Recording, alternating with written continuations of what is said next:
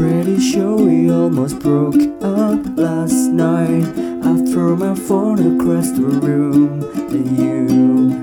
I was expecting some dramatic turn away, but you stayed. This morning I say we should talk about it, cause I really should never leave fine or solved.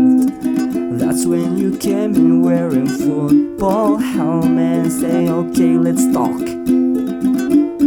And I stay, stay, stay, stay. I've been loving you for quite some time, time, time. You think that it's funny when I'm mad, mad, mad. But I think that it's best if we both